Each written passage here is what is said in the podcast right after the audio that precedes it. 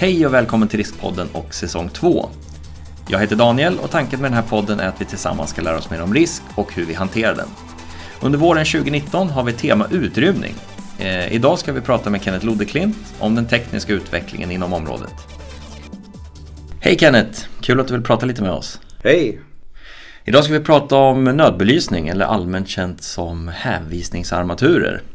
Det här är ju någonting som det sägs att du är en, en fullständig guru på så jag har väldigt stora förväntningar för dagens samtal. Ja, det är roligt att du säger det. Jag har ju några år inom nödbelysningsbranschen, närmare bestämt 20 år, som jag jobbar med det här. Eh, så att det här ska bli ett intressant samtal. Mm. Eh, vi kan faktiskt börja där. Berätta lite, lite kring din bakgrund och eh, hur du kom in i den här branschen med eh, nödbelysning. Ja, egentligen branschen kom in genom att jag höll på med batterier innan jag, och reservkraft. Eh, och blev sedermera anställd då som en nödbelysningsförsäljare på ett företag. Eh, och det var ju som sagt 20 år sedan. Vad 20 år är lång tid? Ja, det, det är det faktiskt och det har hänt väldigt mycket. Eh, när jag kom in med i branschen så var det ju mycket lysrörsarmaturer och efterlysande skyltar. Eh, sen i den vevan några år senare så kom ju eh, LED-teknologin som vart den första lilla revolutionen i, inom nödbelysning. Och det är ju egentligen precis det du är inne på som, som kommer vara liksom huvudspåret idag, den tekniska utvecklingen. Eh, vad har vi framför oss? Eh, man pratar ju om smarta hus, IoT, uppkoppling, sensorer. Eh, det ska bli spännande att se hur, hur hänvisningsarmatur och den, det gebitet eh, anammar utvecklingen. Men vi ska börja egentligen från grunden. Varför finns de här gröna skyltarna? Ja, syftet med eh, nödbelysning och hänvisningsarmaturer det är ju att man ska kunna utrymma från en byggnad på ett säkert sätt. Eh, det är huvudsyftet och eh, man brukar ju ganska ofta lägga det här i likhetstecken med brand. Men det är lika viktigt att ha det i händelse av ett yttre hot eller ett inre hot i byggnaden. Och framförallt om strömmen går i byggnaden så hjälper nödbelysningen eh, personerna ut även eh, med reservkraften. Då, så att. Mm. Om, man ska vara, om vi ska vara så här jätteövertydliga, hur, hur ser liksom den, den här stereotypa klassiska hänvisningsarmaturen ut? Ja, det är ju en eh, springande gubbe, en vit sådan på en grön bakgrund. Och sen är det en dörrsymbol och en pil då som visar riktningen. Och den här pilen, eh, det är en sån här grej som jag själv brukar reflektera lite kring när man tittar i fastigheter. Den pekar ju alltid, är det tänkt i alla fall, åt det hållet man ska springa. Höger, vänster eller en pil neråt om man ska ut genom en dörr. Ehm, är, hur ska jag uttrycka mig, är det verkligen nog, alltså hur noggrann är installationerna? För jag kan tycka att ibland känns det som att pilarna pekar åt fel håll. ja, jag förstår. Och, och, det är ju jättenoga att man projekterar rätt och verkligen eh, gör uh, pilens riktning uh, åt rätt håll. Men där kan man ju säga, där slarvas det ibland. Man har inte ett grundtänk vilket gör att uh, jag har sett skräckexempel där man har pilat egentligen in mot ett och samma ställe till slut. Mm. Så att det, det är viktigt att man har en rätt pilriktning. Ja, för, för att komma in på det som som jag lite fult fiskade efter här. Det handlar inte bara om att, att man skruvar upp den gröna skylten utan det måste finnas en projektering bakom, en tanke med strukturen. Hur går en sån process till? Ja, från, från början så görs det en brandskyddsbeskrivning eh, där man då eh, Eh, beskriver utrymningsvägarna och eh, man dimensionerar dem också i form av bredd, Eh, längd till närmaste utrymningsväg. Det finns vissa förbestämda dimensioner och, eller längder som man måste ta hänsyn till. Och sen då skyltar man det här med våra nödbelysning och hänvisningsarmaturer. Är det, är det här som kallas för analytisk utrymningsdimensionering eller förenklad utrymningsdimensionering? Det finns lite olika delar beroende på vad det är för krav på fastigheten. Mm, det stämmer. Den förenklade, eh, då följer man Boverkets byggregel till punkt och prickar. Eh, analytiskt, då kan man dimensionera det lite olika beroende på ingenjörens eh, kunskap och eh, hur han eh, ser på byggnadens skick. Eh, man kanske gör olika storlekar på eh, brandceller och dimensionerar det och då blir den analytisk. Okej, faller det under, kanske begreppen faller i varandra, men när man pratar tekniska byten, alltså att man kan lösa med, med kunskap och teknik så kan man tumma lite på, på de reglerna som finns i Boverkets byggregler? Jag skulle inte vilja säga att man tummar på det, utan snarare tvärtom. Man, vissa delar tummar man på och en del kanske man eh, förstärker istället. Det finns ju olika storlekar på hänvisningsarmaturer. Vad, vad ligger bakom det? Ja, det har ju med eh, läsavståndet att göra som ni säger. Så att för, eh, om man tar då en genomlyst skylt så är den 20 centimeter så tar man det gånger 200 så får du ett läsavstånd. Okay. Så att 20 centimeters höjd på skylten ger 40 meters läsavstånd. Eh, och eh, sen finns det ju då belysta skyltar. Eh, och då har du, det som definierar genomlyst och belyst det är om du har en intern ljuskälla eller en extern ljuskälla som lyser på piktogrammet. Och har man en belyst då får du dubbla läsavståndet. Alltså det blir om höjd, skylthöjden är 20 cm så tar du det gånger 100 istället. Så att det innebär i praktiken att skylten måste vara dubbelt så hög för att få samma läsavstånd. Eh, hur, eh, vad är det som styr det? Ja, det, det, är egentligen i projekteringsstadiet som man gör en eh, utrymningsdimensionering eh, och man ingenjören då tittar på Eh, avståndet mellan olika utrymningsvägar. Och sen ska ju de skyltas upp för att man ska hitta vägen dit.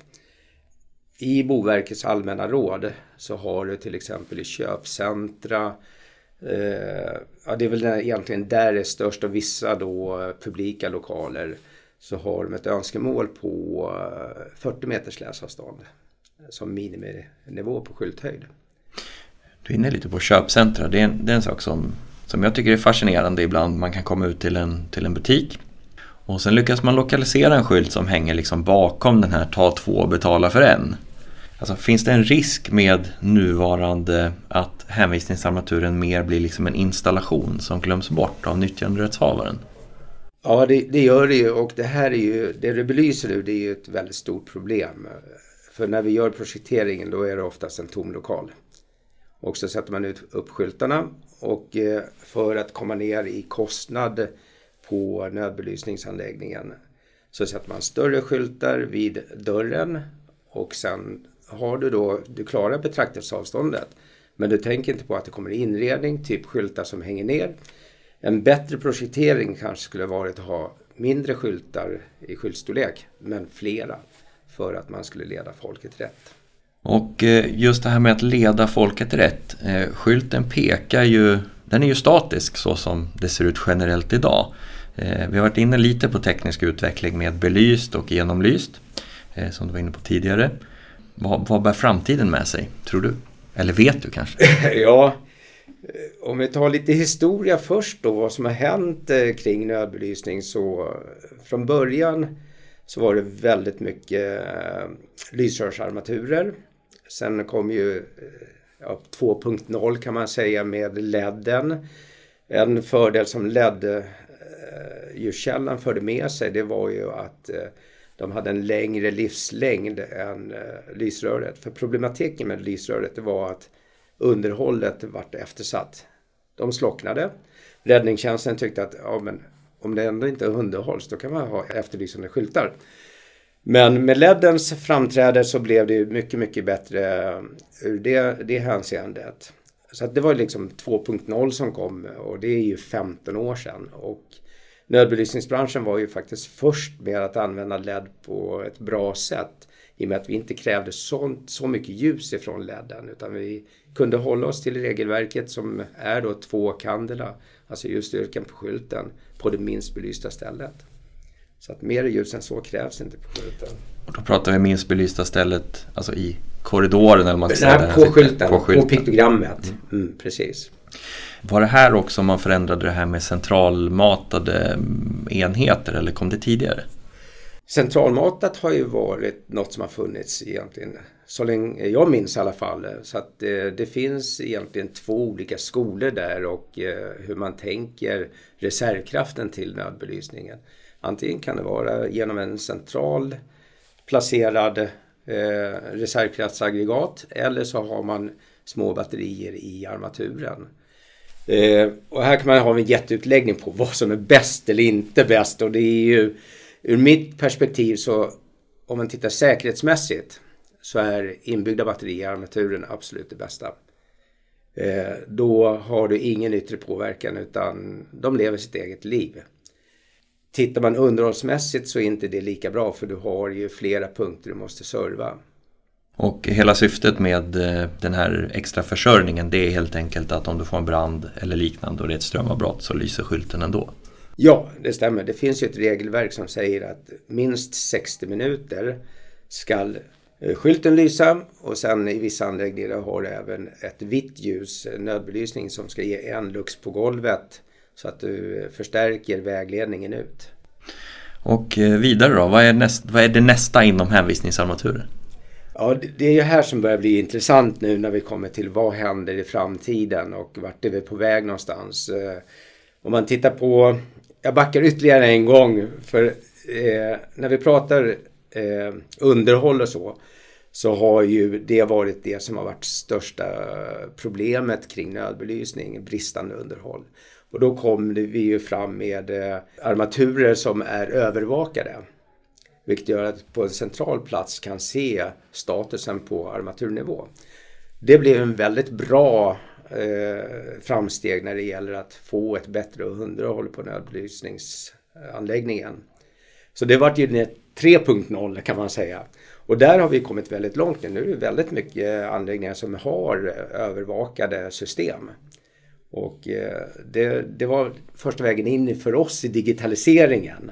Så när vi kommer vidare då, vad, vad, kommer hända nästa steg? Vad är framtiden i det här? Då ser vi ju något som vi kallar för dynamiska armaturer, dynamiska skyltar.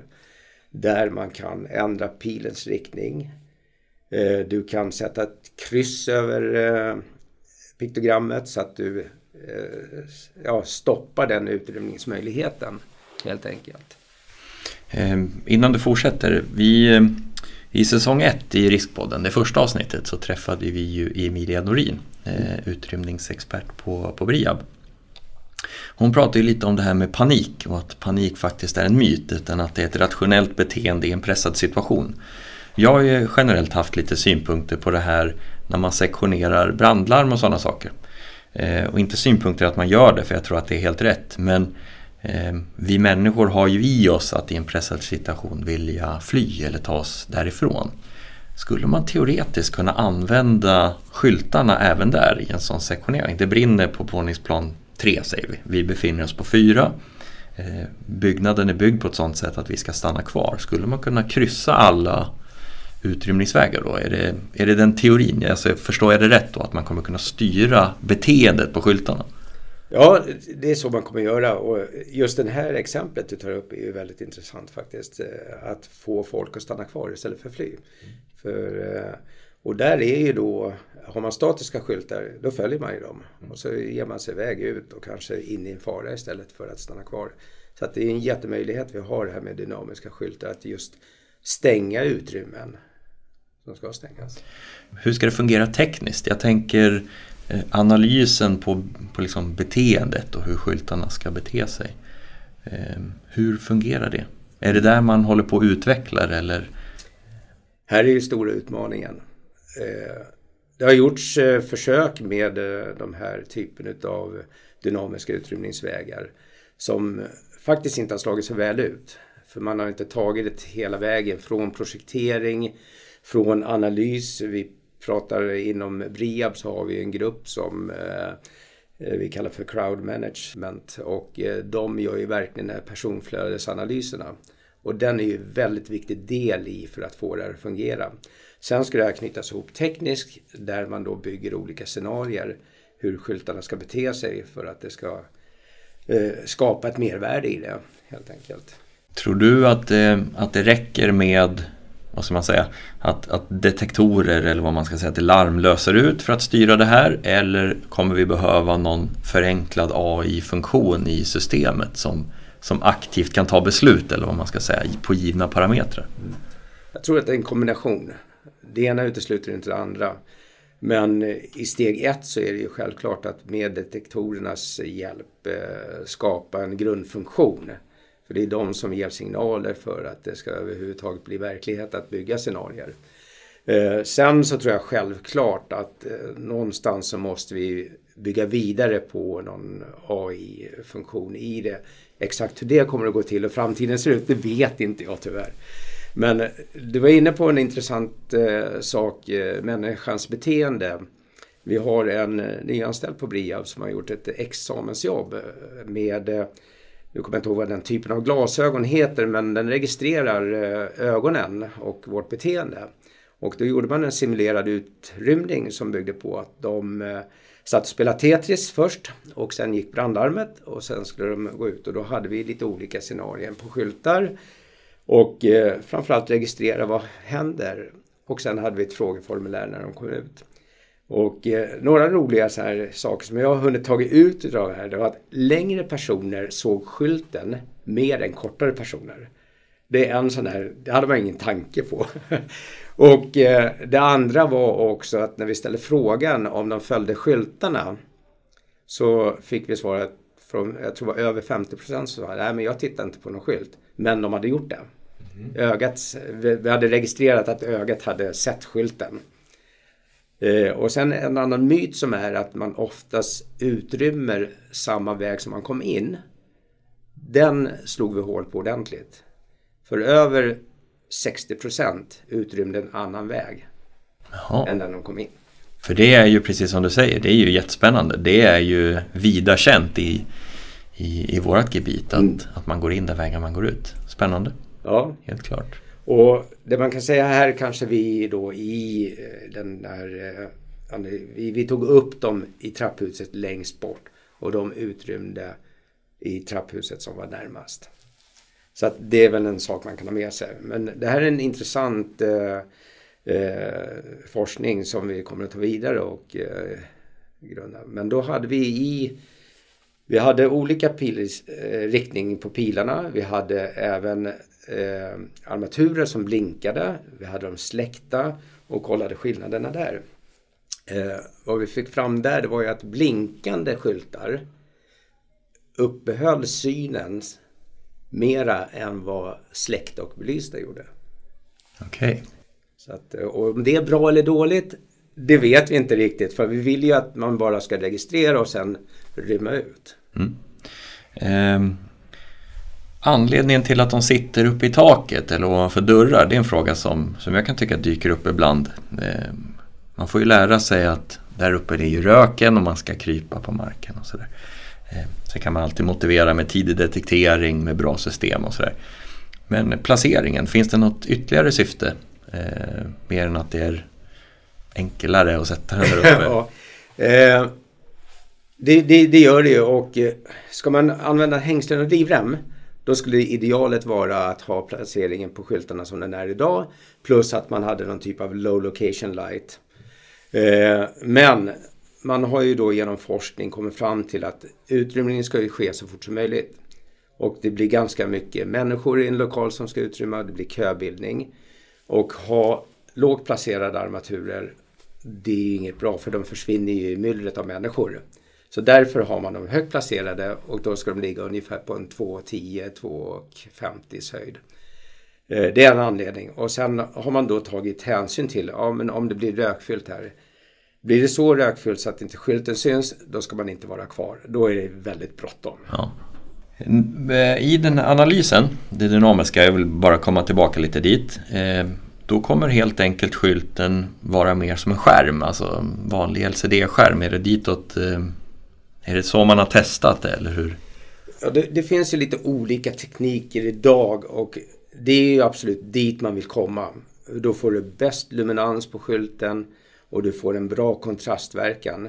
Idag jobbar man från många tillverkare med eh, vanliga LED-punkter Vilket gör att kontrastverkan inte är sådär jätteutvecklad ännu. Och eh, man gör det för att man också vill ha ner priset på skylten.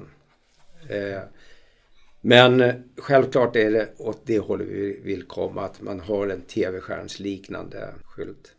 Eh, jag personligen har en teori att, att utrymning och liksom flöden av människor kommer, du har redan varit inne på det, med andra typer av hot.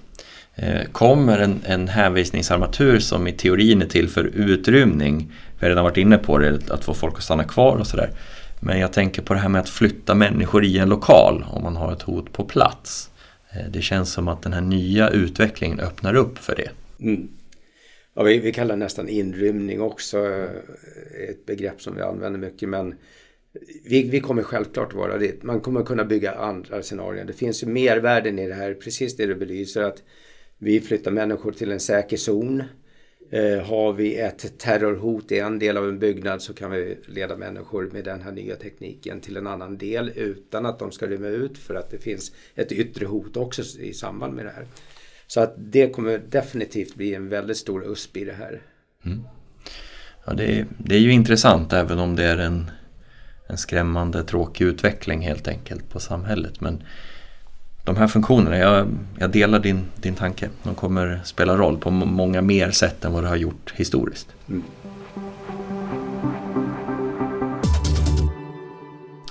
Eh, de dynamiska skyltarna, eh, skapar de några fördelar för liksom byggprojektet, alltså när fastigheten byggs? Ja, det, det är här man egentligen kommer in på det riktigt intressanta. Det är klart att det här kommer bli en ytterligare kostnad för eh, nödbelysning i hela projektet när vi kommer i den nya teknologin. Men vinsterna som eh, både fastighetsägare och eh, ja, framförallt fastighetsägarna kommer att få det är ju att man kan göra andra typer av analytiska utrymningsdimensioneringar. Eh, för att skapa, kan man leda folket olika och inte statiskt då kan du minska utrymningsvägen och få en mer uthyrbar yta till exempel. Där blir det ju väldigt, för varje uthyrbar yta för fastighetsägarna är ju otroligt mycket värt. Så där ser vi väldigt stora vinster med att börja med de här dynamiska utrymningsvägarna om man gör det rätt. Kan en sån effekt rent av eh, tillkomma på en redan befintlig byggnad? Ja, det är rent eh, teoretiskt så absolut. Eh, tittar man på köpcentra och så, så har ju du dimensionerat utrymningsvägarna efter gamla deviser och normer och regler. Men eh, man kan ju definitivt flytta ut väggarna och eh, öka butiksytan. Om man ska eh, spela djävulens advokat eller någonting sånt. Eh, ansvarsfrågan. Hur, hur hanterar man den? Om man nu har gjort en, en analys och det är liksom ett system som, som styr det här. Ehm, ja, finns det några ansvarsfrågor i det här som inte är utredda eller finns det några lagar och regler som än så länge sätter stopp för den analytiska dynamiska utrymningen? Jättebra fråga för det här är ju det som är eh, kärnan till att inte har, vi har kommit längre. Det har fastnat lite grann i ansvarsfrågan. Eh, man håller på inom eh, både branschföreningar och lagstiftare att titta på hur ska vi, vem ska ta ansvaret? Hur gör vi det här på ett bra sätt? Eh, och det, det, det, är det som är den jobbiga biten. Eh, plus att produkterna finns framme idag. Inga problem. Eh, regelverket finns inte framme och eh, där har man haft jättelånga diskussioner. Men man kommer inte i mål riktigt. Man fastnar lite grann på det du belyser, just ansvarsfrågan. Men ska man dra ett större perspektiv så egentligen är det ingen jättestor stort problem. Idag har vi statiska skyltar. Vi har inga begränsningar om var vi rymmer ut personer någonstans. De kan, vi kan leda dem in i fara utan problem. I och med att de är statiska. Så att eh, det man ska nog landa i det är att det här blir en bättre utrymningsstrategi eh, och utrymningssätt Eh, även om jag tror att vi någon gång kanske kommer att hamna i ett steg där vi inte har lyckats 100 procent. Men eh, ju mer tekniker vi bygger in i det, desto större säkerhet kan vi få det här att fungera. Och du var inne lite grann på AI. Man kan ju till exempel idag ladda ner appar om man kliver in i ett centrum och så får du reda på vad kaféet är. Och har man den uppkopplingen mot vårt säkerhetssystem också, då vet vi vad personer är i större utsträckning. Så att här blir det mycket, mycket mer intressant när vi på personnivå kan veta var de är någonstans och kopplar man på det in i en programvara så har vi en jättemycket större möjlighet att rädda människor betydligt mer än vad vi gör idag.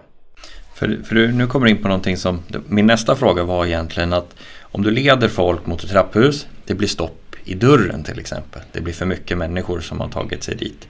Då bör, vi behöver ju veta flödet också, inte bara vart hotet är. Så att min tanke var, frågan var egentligen om man behöver ytterligare sensorer för att mäta sådana saker. Eh, men vi, vi bär ju med oss våra mobiltelefoner. Det är ju en lösning på problemet men för jag antar att det kan vara en, eh, också en utmaning i det här. Att vi leder folk bort från ett trapphus som vi säger att det brinner i så att vi får koncentrationer på två eller tre andra ställen. Så blir det stopp där. Kanske man vill flytta människor från, inte vet jag, trapphus 2 till 4 eller någonting liknande. Eh, så det känns som att det behövs ytterligare lite teknik i ett sånt här system. Det stämmer, så är det ju definitivt. Och där kommer ju det vi var inne på eh, att eh, försöka koppla upp det här mot personens mobiltelefon. Eh, och det måste man göra då med deras eh, medgivande självklart. Och att bygga på andra typer av erbjudande i det här. Så att man inte ser det bara som en säkerhetsapp eh, utan att det är en generell app för att ja, få en högre säkerhet. Men det du är inne på också att leda folket på, alltså inte få folksamlingar. Eh, det kan man ju redan idag bygga med de här typerna av olika scenarier och eh, att man har gjort en eh, analys på hur mycket personer som är i varje del av lokalen. För man har ett rörelseflöde redan idag på de flesta butiksytor och kedjor och allting. Som görs utav crowd management-folket till exempel. Okej. Okay. är det någon annan sån här spontan utmaning eller fördel som du ser med utvecklingen som, som jag inte har frågat om? Bra fråga. Jag tycker vi har belyst väldigt mycket och genomgående. Det, det som är stora utmaningen tror jag det är att knyta ihop det här från ax till limpa. Eh, att få med sig eh, projekteringen in i produktfloran. Eh, idag tror jag att man jobbar lite grann på två olika öar. Man har en projekteringsdel med massa duktiga ingenjörer som sitter och eh, gör ett bra grundjobb. Och sen har man en produkt eh, och utvecklingssida hos våra tillverkare av nödbelysningar som sitter och gör utifrån sitt perspektiv. Att knyta ihop det här är nog det första steget att komma närmre och längre. Eh, det, det tror jag. Och där finns det ju fortfarande utmaningar.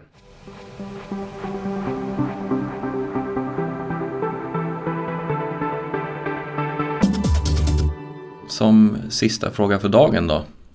Eh, vad säger du till de som säger att du är eh, Sveriges mest talangfulla rallyförare? ja, det var roligt.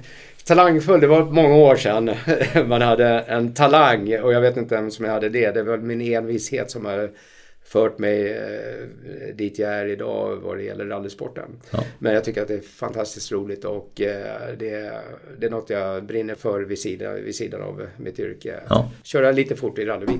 Härligt. Jag snappade upp det i, i korridoren tidigare. Hur, eh, hur mycket tid går det på rally? Jag har förstått att det är både resurskrävande och tidskrävande. Ja, nej. Jag, idag lägger jag inte så mycket tid på det. Utan man försöker köra ett race där man får ihop lite sponsorpengar och sen så har jag ett team bakom mig också som hjälper till med skötsel av bil och så. så att, eh, eh, jag har inte så mycket tid som jag vill ha att lägga på det. Men, men det är tidsödande, ja. Kul. Tack för att du ville prata med oss Kenneth. men tack själv, det var jättekul.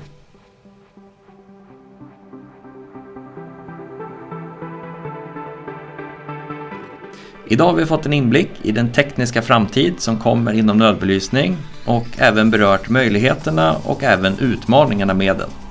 Hör som vanligt av dig till kontakt riskpodden.se om du vill önska ämnen till kommande avsnitt eller har en specifik fråga.